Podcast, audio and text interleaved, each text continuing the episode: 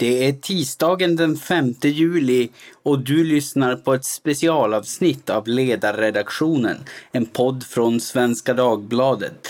Idag bjuder vi på Klukkotej, gotländskt tiokaffe, live från Almedalen. Tove Livendal samtalar med författaren och krönikören Lena Andersson och imorgon gästas hon i samma format av terrorforskaren Magnus Ranstorp.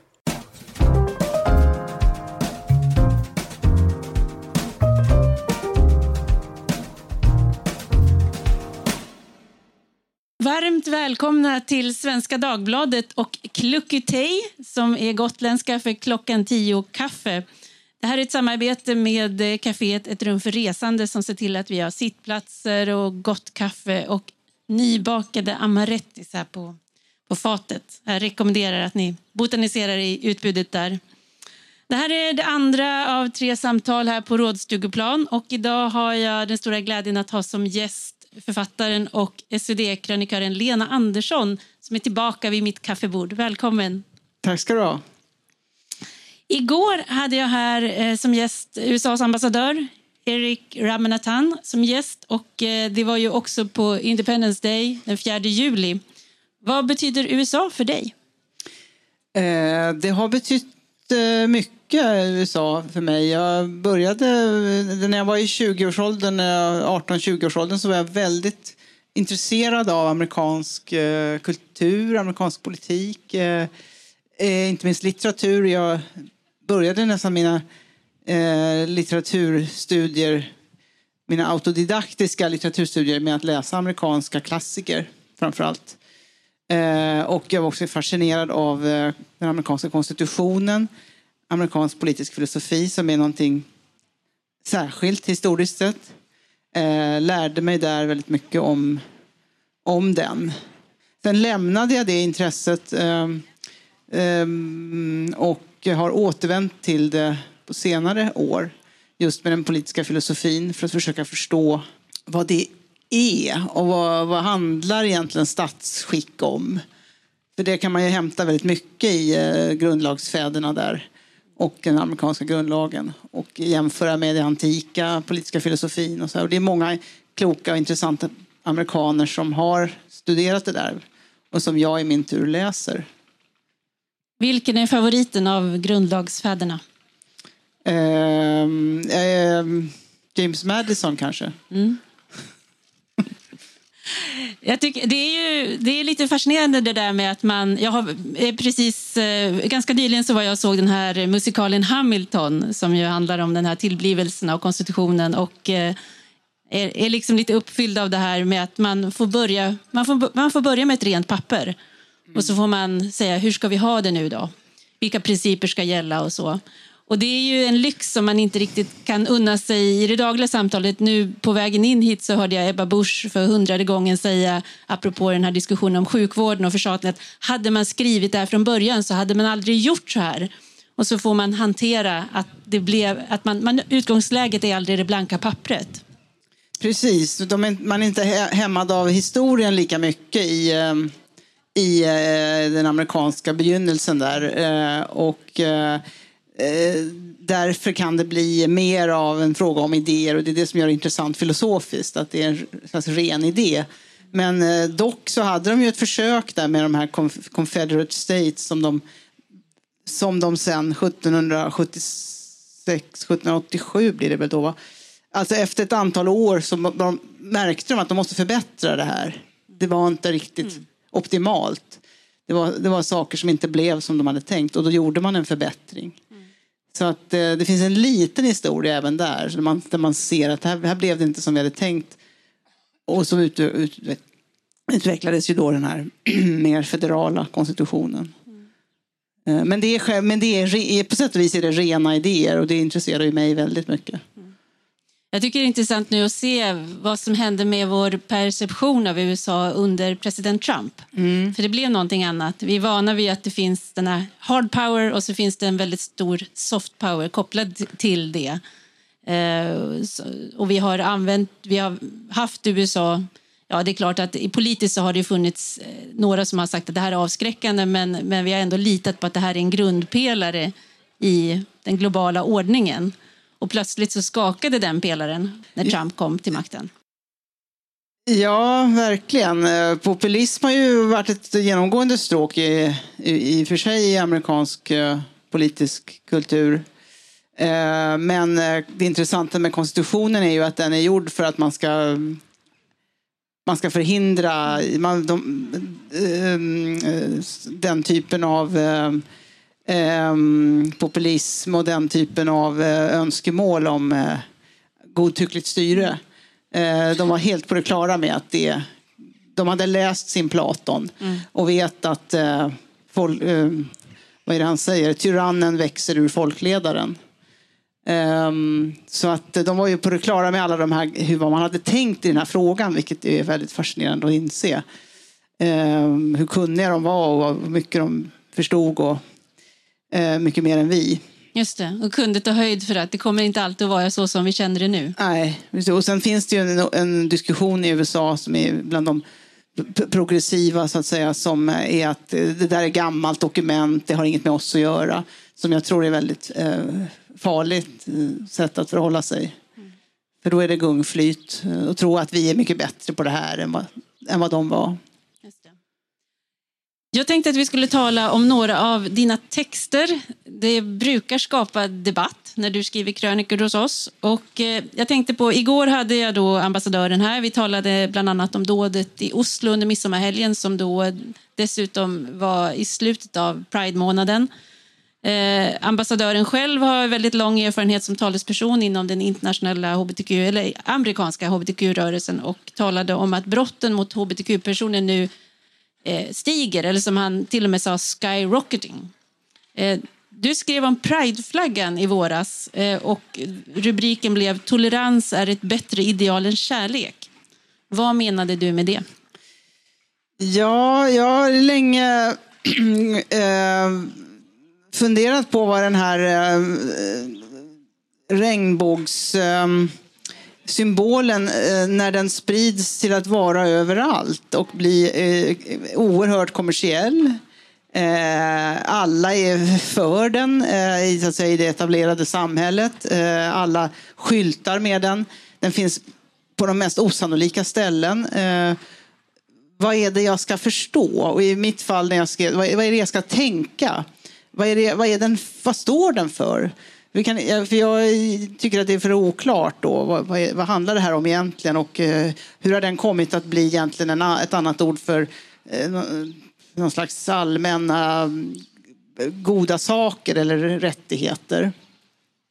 Jag tycker att det är en ganska specifik symbol som handlar om rätt så specifika saker eh, och en specifik grupp. Eh, och min artikel eh, handlade ju om att jag hade sett, eh, varit i ett sammanhang på ett sjukhus, en anhörig som låg på sjukhus. Och en av läkarna hade, sin namnskylt hade en regnbågsfärgad namnskylt. Och jag tog det som en utgångspunkt för en reflektion där jag menade, skrev att jag, undrar, jag förstår inte vad det är hon symboliserar till mig. Vad är det jag ska förstå? För symboler och tecken är väldigt intressanta saker. Det, det, det måste man vara lite vaksam på. Vad är det, jag, vad är det jag ska, hon vill att jag ska tänka? Är det att hon, hon tillhör hbtq-gruppen?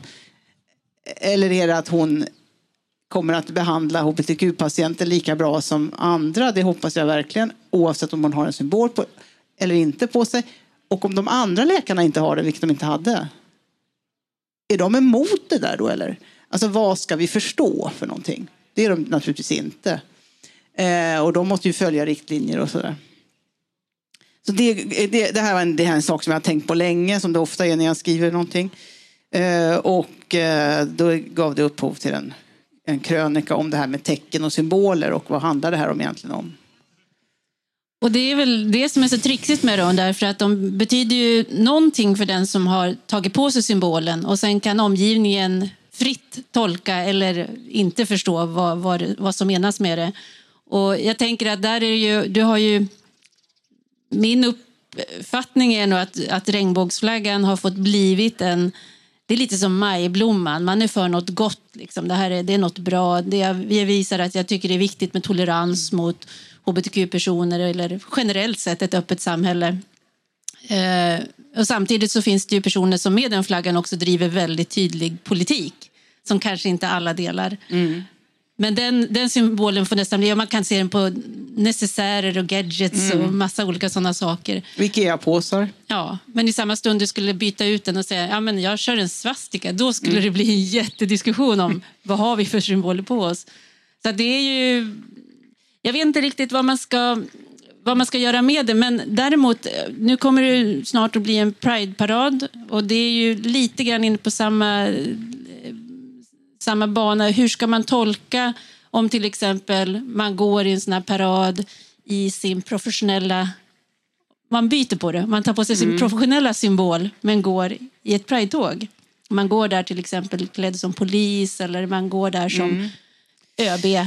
Ja, jag tycker ju polisen ska vara väldigt eh, noga med att inte ha symboler. Eh, de har det. Jag var och föreläste för poliser i eh, Umeå för några år sedan och eh, möttes av, de har sådana här nyckelband runt halsen med eh, regnbågsfärgerna.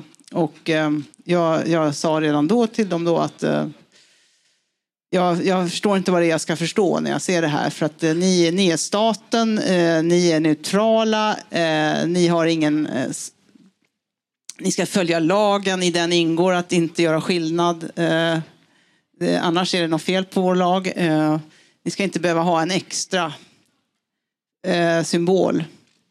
Eh, jag tycker att det är direkt olämpligt. Ja, men då visade det sig att det var internt. Det handlade om en intern kommunikation inne hos polisen. Att de ville få bort eh, olämpligt språkbruk och som jag mycket väl kan tänka mig att det har funnits och kanske finns kvar. Men det, det, det är inte internt man ser den, det är, det är utåt man ser den också. Ehm, för några år sedan var det diskussion om polisen skulle ha, man skulle kunna ha hijab som polis, eh, exempelvis. Eh, eller några andra typer av symboler, religiösa eller andra politiska. Det, det, det, den diskussionen har jag inte hört på länge, men det är ju direkt olämpligt tycker jag. Den ska ju vara så neutral det någonsin går. Ehm, men sen är det en annan sak som jag svarade då eh, de liberala, eh, från Liberalerna kom en replik på den här artikeln om det var ju bedrövligt tyckte de då att man skrev så här överhuvudtaget.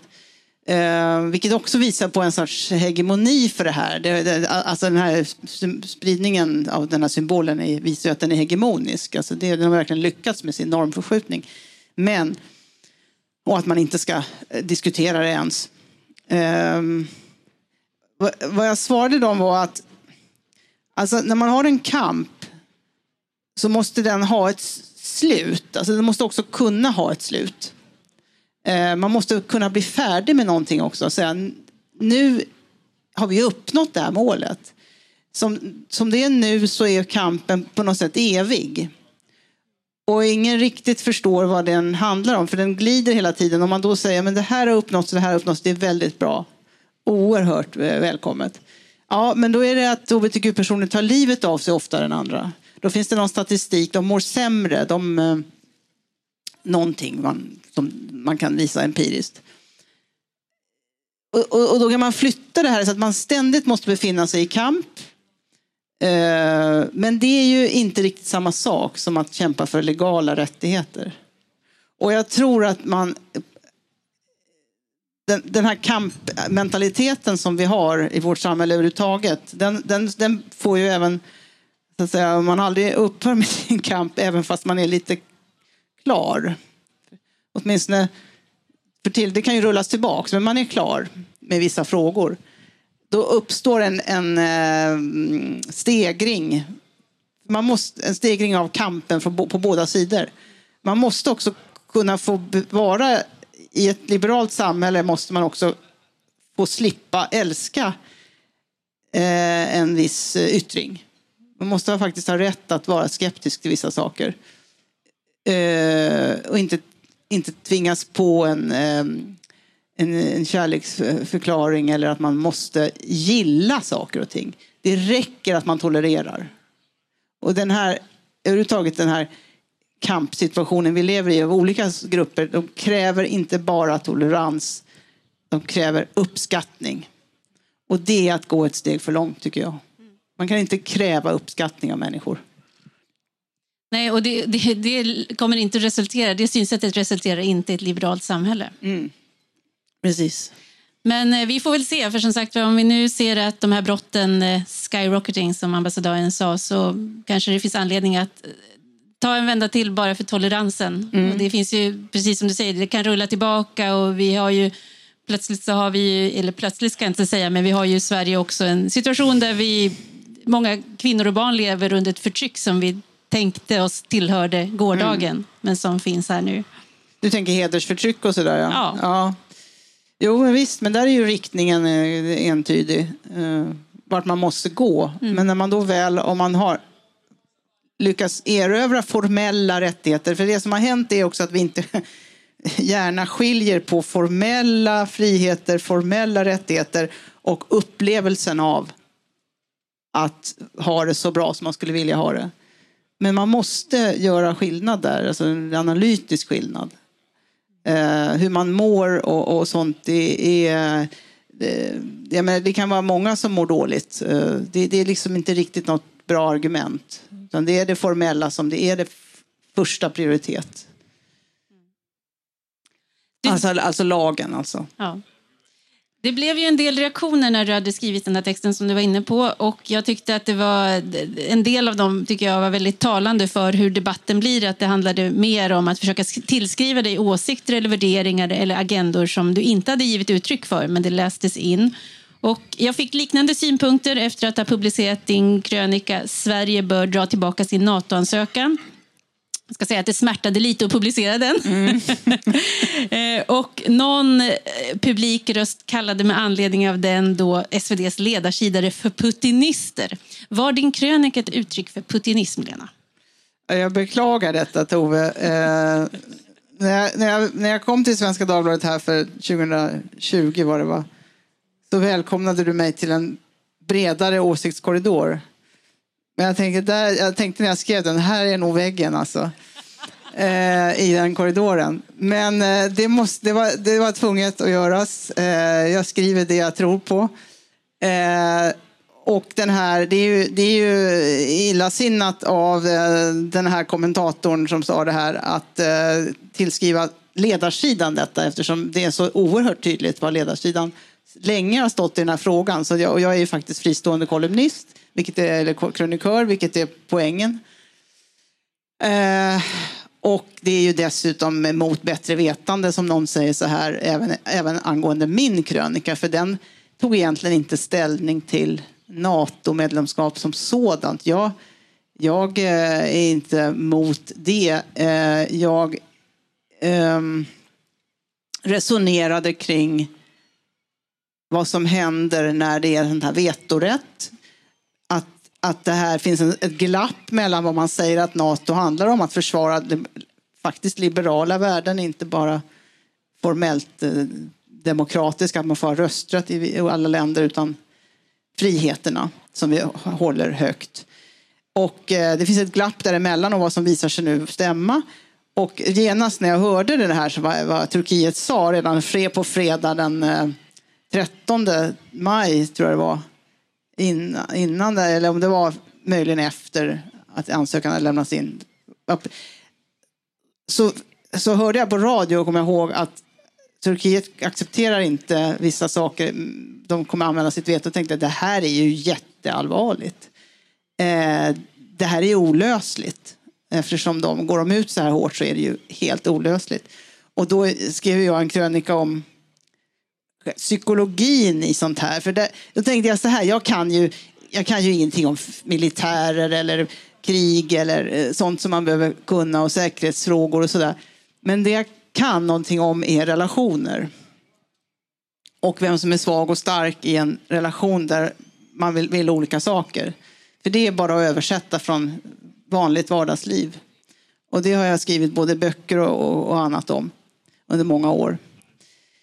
Eh, och eh, man, om man vill någonting väldigt mycket så blir man svag. Och min poäng var att här måste man ha en öppning för att eh, kanske går det inte om kraven, om priset är för högt. Man måste ha det i åtanke så att man inte är totalt försvagad och ligger där och slickar någons fötter. För det är bara, det är bara så det är om man är för angelägen och inte har någonting att sätta emot. Eh, jag tycker än så länge att jag att det har bekräftats då. Eh, lite grann. ja, nej men eh, så är det. Det är därför det var så plågsamt att publicera. Vi, vi, här, på redaktionen så hade vi ju, vi hade goda diskussioner ska jag säga med anledning av den texten. Och som Olof Ehrenkrona sa, hon har ju inte fel. eh, och det är väl så. Sen är det, är, är det ju så att för min egen del så eh, så eh, är det ju precis så. Det är, vi beggars can't be choosers och jag anser ju att argumenten för att Sverige på det sätt som det går eh, behöver försöka fånga det här fönstret som är öppet nu. Jag tror att det kommer att kunna stängas. Mm. Men eh, det är ingen lätt process just av de skälen som du har lagt fram. Nej, och hade man gjort det tidigare så hade man sluppit det nu och, ja. och vid något lämpligare tidpunkt kanske eh, långt tidigare. Men eh, det, det, visar sig en massa saker med det här som, som eh, också tycker jag blev ofullständigt diskuterat. Eh, att det fanns ett, NATO, eh, ett veto till Nato.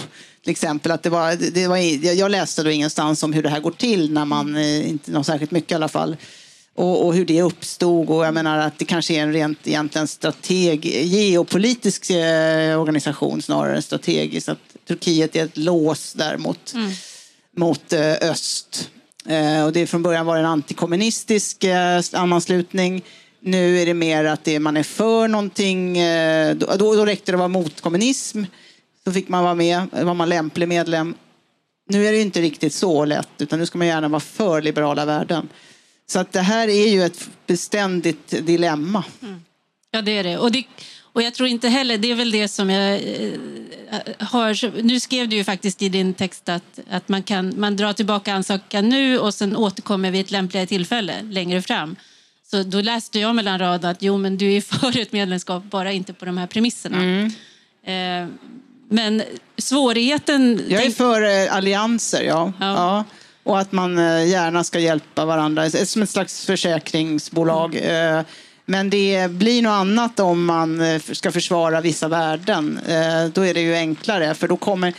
Alltså, hade Turkiet varit en liberal demokrati hade de inte haft den här synen på kurder på, som, som terrorister eller som på regimkritik. Mm. Så att då, då hade det ju varit en, en smal sak att bli antagen. Just det. Och, och försäkring är ju det är på, något sätt fast en försäkring för att inte det, det, ska bryta ut en brand så att säga. Mm. Så där är ju, för ibland har jag hört det talas om Nato som en brandförsäkring men det är ju för att få ut ersättning om det brinner ner. Men här är ju tanken att det ska vara så pass avskräckande att det aldrig sätts i brand. Ja, just det. Uh, ja, nej men vi, vi fortsätter med som sagt var, ja, jag, jag, jag ser det du ser.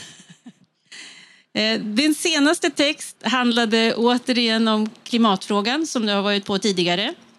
Eh, eller rättare sagt den här gången om vilka de politiska slutsatserna blir av den analys som många har godtagit. Och då sa du kanske får Marx rätt till slut. Kan du förklara hur du tänkte? Eh, jag tänkte helt enkelt så här att ehm, om man har eh, vår, vår, vår ekonomi, vår, vårt ekonomiska system, den fri, fri ekonomi, kapitalismen, bygger på att man inte har något mål med verksamheten. Alltså man har inget statligt mål. Företagen har mål, individerna har mål, men staten har inget mål som måste uppfyllas. Det är det som är skillnaden mot en planerad ekonomi eller en planekonomi. Centralt dirigerad. Det här ska vi uppnå. Då, det, det händer någonting dramatiskt när man eh, sätter upp ett mål. Då, eh, eh och här är det ett negativt mål. Vi ska inte överskrida en viss utsläppsmängd av gas, växthusgaser. Eh, eller eh, andra miljömål. Det kommer nya, nya saker hela tiden. Då, då är det... Då, då, det går inte att förstå det på något annat sätt än att alla företag måste ju underställas det här. Nu bryter de ju mot det. Alltså vi, vi lyckas ju inte uppnå några mål egentligen. På global nivå i alla fall. Eh, där, så, så, det kanske gör då att det inte ändå... Eh, men om man har sten, stenhård lagstiftning då är de ju underställda det statliga målet. Så enkelt är det ju. Och eh, då kommer ju Marx få rätt på det sättet. att På sätt och vis. Eh, även om det är en hård, hård dragning. För han vill ju inte ha det. Han vill ju inte ha företag som är underställda. Han vill ju ha något annat. Men eh, ändå att det är en planerad ekonomi, dirigerad centralt, som styr mot mål som kommer också bara bli fler. Och så. så det gjorde jag en betraktelse över att vi med anledning av en text om hur den framtida staden ska se ut som var totalt genomplanerad. Alltså Alva Myrdal låg fullständigt i läder. Eh, det var, det var liksom varenda grässtrå var planerat. Det var nästan bara gräs i stan också. Ingen asfalt. Jag tänkte på Niemeyers eh, Brasilia som jag besökte för några år sedan. Där finns det ju inte så mycket gräs utan mest asfalt faktiskt. För, för där, det, var, det, var, det man skulle ha då? Ja, och inga trottoarer därför att då var bilen så ny så att man behövde inte gå någonstans utan man kunde ta bilen överallt. Det där brakade ihop till slut. Därför att det är onaturligt, ja. Mm. Precis, det är genomplanerat, det är gjort vid ett skrivbord och det är det som jag eh, tycker är det man ska vara vaksam på. Att det inte tar med människan i beräkning och Eh, vi talar, det, det, även här finns det ett stort glapp då mellan hur man talar om det här och vad som går att göra och hur människan fungerar och vad som kommer bli följden. Och, som inte heller diskuteras, eh, tycker jag. Är det rättvist att säga, jag, tänker, jag, jag, jag jag ser det ju som att du ständigt strävar efter att hitta logik och rationalitet i dina resonemang. Men de utgår ju från att människan inte är så rationell utan att hon är svår att förutse. Jo, hon är rationell. Eh, det brukar jag i och för sig hävda att människan är rationell, men inte på det sätt som planläggningen eh, säger att hon är. Hon är rationell i sitt eget liv. Eh, och det är den rationaliteten man måste förstå. Vi är rationella i det lilla. Eh, vi, vi väljer hela tiden, vi jämför mål och vi har målkonflikter och vi värderar. Eh, och den här centrala planläggningen har alltid en, det är ett ändamålsenlighet som inte stämmer med individens ändamålsenlighet. Det blir, där blir det en konflikt. Eh, och när det gäller i klimatfrågan tycker jag det är väldigt underdiskuterat vad vi egentligen menar. Eh, vad, vad det här egentligen innebär. Några är ju inne på det. Eh, och de är, de är ju väldigt radikala då. Det hörs ju, de vill inte säga det rakt ut, men du, de säger egentligen du kommer inte få göra det här, du kommer inte få göra det här, det går inte att göra allt det här som du gör. För då vet de att ingen kommer vilja det. Det var en, en, en idéhistoriker som skrev en bok som kom ut i höstas om hur vi måste leva om det här ska gå igenom. Och jag förstår att den fick noll uppmärksamhet. Jag pratade om den på radio, Obs kulturkvarten. Eh, Udaimonia heter den, man ska leva som Aristoteles, eh, det goda livet. Men på en sån nivå, alltså det var så uppenbart att så här kommer ingen vilja leva. Det var, det var liksom ner, tillbaka till något annat tillstånd. Så den blev noll uppmärksamhet kring den. Men jag tänker det som händer nu med klimatfrågan, det, det, känns ändå som att det håller på att mogna lite där. För att dels har fler målkonflikter kommit i dager. Mm. Och då, då har man liksom... Man, vi har tvingats komma bortom att de här slagorden. Klimatet kan inte vänta och EU-parlamentet eh, e utlyste klimatnödläge. Ja, men vad betyder det då? Nej. Och vad är ni beredda att... Vilket ska få trumfa det andra? Och om man nu säger att, att om vi inte får ner den till den här nivån så kommer eh, planeten att gå under. Mm. Om man skulle ställa det emot, som bland annat ekonomen Björn Lomborg gör, också till mångas förtret, försöka ställa det emot någonting annat. Hur ska vi se på det här jämfört med att eh, människor ska kunna ha tillgång till rent vatten mm. eller slippa de mest basala sjukdomarna, dö i malaria eller vad det nu kan vara. Hur prioriterar vi i den ordningen? Och det är ju det som gör att jag tror att vi börjar få en lite mer balanserad diskussion nu. Ja, I så fall är det väldigt tidigt i den diskussionen. Okay. Eh, den är väldigt lite balanserad tycker jag. Men eh, det är bra om det finns små öppningar.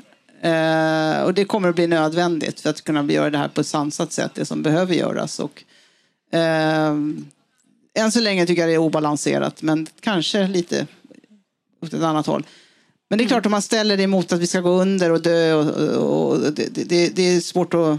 Det, jag tror ju att i så fall, om de har rätt rent vetenskapligt så kommer, får vi välja så att säga, hur vi ska gå under. För vi kommer gå under av, av de drakoniska förslagen. Som, Det blir som den här klassiska utmaningen i filosofikurserna. Man, vilket, vilken väg Mm. tåget ska svänga in på, hur många man ska ha ihjäl. Men det är ingen som säger, utan det är, bara, det, det är, som, att vi bara, det är som att vi bara lever i någon slags lyxtillvaro. Alltså det, är bara, det är bara sluta med allting eh, utan att det har någon effekt på något annat. Så det är ingen som säger att det där måste du välja, det är ett dåligt val och det här är ett dåligt val. Det finns inte ens med. Än så länge kan det lösa sig genom att man ändå gör sina resor. Ja, kanske inte just nu för SAS eh, går ut i strejk. Men, men man gör sina resor och sen ut, berättar man på Twitter att man har ångest medan man gör det. Ja, det, det är det man gör nu, ja. Ja. Så det är ett sätt att hantera motsättningen. Ja, inombords Just det. Men man gör det och inför gruppen. Då. inför gruppen. Ja. Precis. Eh, jag tänkte också att vi skulle hinna tala lite om valet eh, eftersom det närmar sig. Brukar du rösta? Ja, alltid, ja. Och hur gör du när du bestämmer dig för vad eller vem du ska rösta på? Ja, det är ju svårt. Ehm, ja. Jag har röstat på massa olika genom åren. Ehm, jag går väl på någon eh, ungefärlig uppfattning om eh, vad som behövs just nu kanske. Eller vad jag tycker i stort. Eh, jag läser inte partiprogram. Jag lyssnar på alla partiledardebatter och sånt där. Jag följer med noga. Men eh, det är ju inget som man känner, ja det där, oj, det vill jag viga mitt liv åt. Om du får önska någonting inför den kommande valrörelsen, då, vad, vad skulle det vara? Eh, ja, det är, men det är, jag önskar mig alltid intellektuell hederlighet, eh, att man inte vantolkar varandra avsiktligt. Eh, eh, Och du kommer att bli så besviken. Ja, jo, men det är jag beredd på. Det är jag beredd på. Ehm, att man inte gör fula saker. Men sen framförallt önskar jag mig att, man, att det inte blir allt för bra väder i sommar. Eh, så att det inte blir för varmt, så man kan hänvisa till det. Alltså som en ursäkt för... Nej, eh, om det blir väldigt varmt så kommer man säga att titta nu håller på att brinna upp här. Måste... Aha, Ja. ja. du kvar i den frågan. Ja, just det. Ja, just det. Det, kommer, det kommer bli, för det blir ju ohederligt. I- alla andra sammanhang så pratar man om att man inte ska ha confirma, confirmation bias. Alltså bekräftelse-bias heter det väl på svenska tror jag. Men, eh, Men här är det så fort solen skiner så får man ett bekräftelse-bias. Just det. Att det, nu, titta, nu, nu, nu blir det för varmt här. Nu, nu kommer det. Ja. Undergången. Ja. Jo, och det, det, det, du kan i sam, på, på samma sätt som man kan bli galen när folk sam, förbla, förväxlar begreppen staten och samhället så kan ju också väder och klimatet hejkon bacon bara blandas ihop utan att man diskuterar vad som är vad. Vilket det- påpekas om någon säger att nu är det väldigt kallt. Så är det, är bara väder. Eh, Så sådana saker, det, det ingår ju i den intellektuella hederligheten. Mm. Ja, vi får väl se hur det går då. Jag är rädd för att du kommer att eh, känna en lätt besvikelse när vi står där mitt i valrörelsen. Jag testade ambassadören på lite Sverige-kuriosa igår och vi talade bland annat om Swedish fika. Du och jag har pratat om ätbara saker i ett flertal tillfällen. Sist vi satt där i Almedalen då utsatte jag dig för ett skonstest när du skulle skilja mellan äkta och falska skons. Kommer du ihåg det? Ja, oh, oh ja. Om, Ja, ja. Eh, däremot har jag aldrig frågat dig vad du anser utgör ett bra fika. Så om man vill göra dig glad vid fikabordet, vad ska man bjuda på då? Jag fikade väldigt mycket som barn. Jag är uppväxt i den svenska fikakulturen. Så att jag fattade ett beslut att sluta fika. Och förlägga istället mitt, de godsakerna där, sötsaker, till efter maten. Det passar mig bättre, rent psykologiskt och fysiologiskt. Så jag fikar aldrig, men nästan aldrig. Men om vi bortser från det så är det blöta saker som jag tycker om. Alltså bakelse snarare än torra kakor. Det här är väldigt torra kakor där, men de är säkert jättebra. men jag, jag, om jag ska välja verkligen så är det saftigt och bl- lite blött. Eh, Bakelse tror jag, det är nog det bästa jag vet. Men jag, jag tar den hellre efter maten än på eftermiddagen. Så här. Jag tycker det förstör aptiten också. Och när det är bakelse, är det mer åt här, frukt och bär eller åt choklad? Eller? Eh, det kan vara mousse, grädde, vaniljkräm, alltså prinsesstårta. Det kan vara tårt, tårta är ju gott förstås. Och i, I enskild form heter det ju det bakelse. Just det, Men eh, så det, blött ska det vara. blött ska det vara. Ja. Bra, då vet jag det. Stort tack för att du ville gästa mig idag. Och tack till alla som har lyssnat på det här specialavsnittet av Ledarredaktionen. Imorgon kommer ytterligare en livepodd med terrorforskaren Magnus Ranstorp. Vi samarbetar numera med Podme, en smidig app för att hitta och lyssna på poddar. Så om du inte har testat lyssna på Ledarredaktionen i Podme ännu så får du gärna göra just det. Dagens podd leddes av Tove Livendal. Producent var som vanligt jag, Jesper Sandström och ljudtekniker på plats i Visby var Kalle Wiman. Tack för den här gången.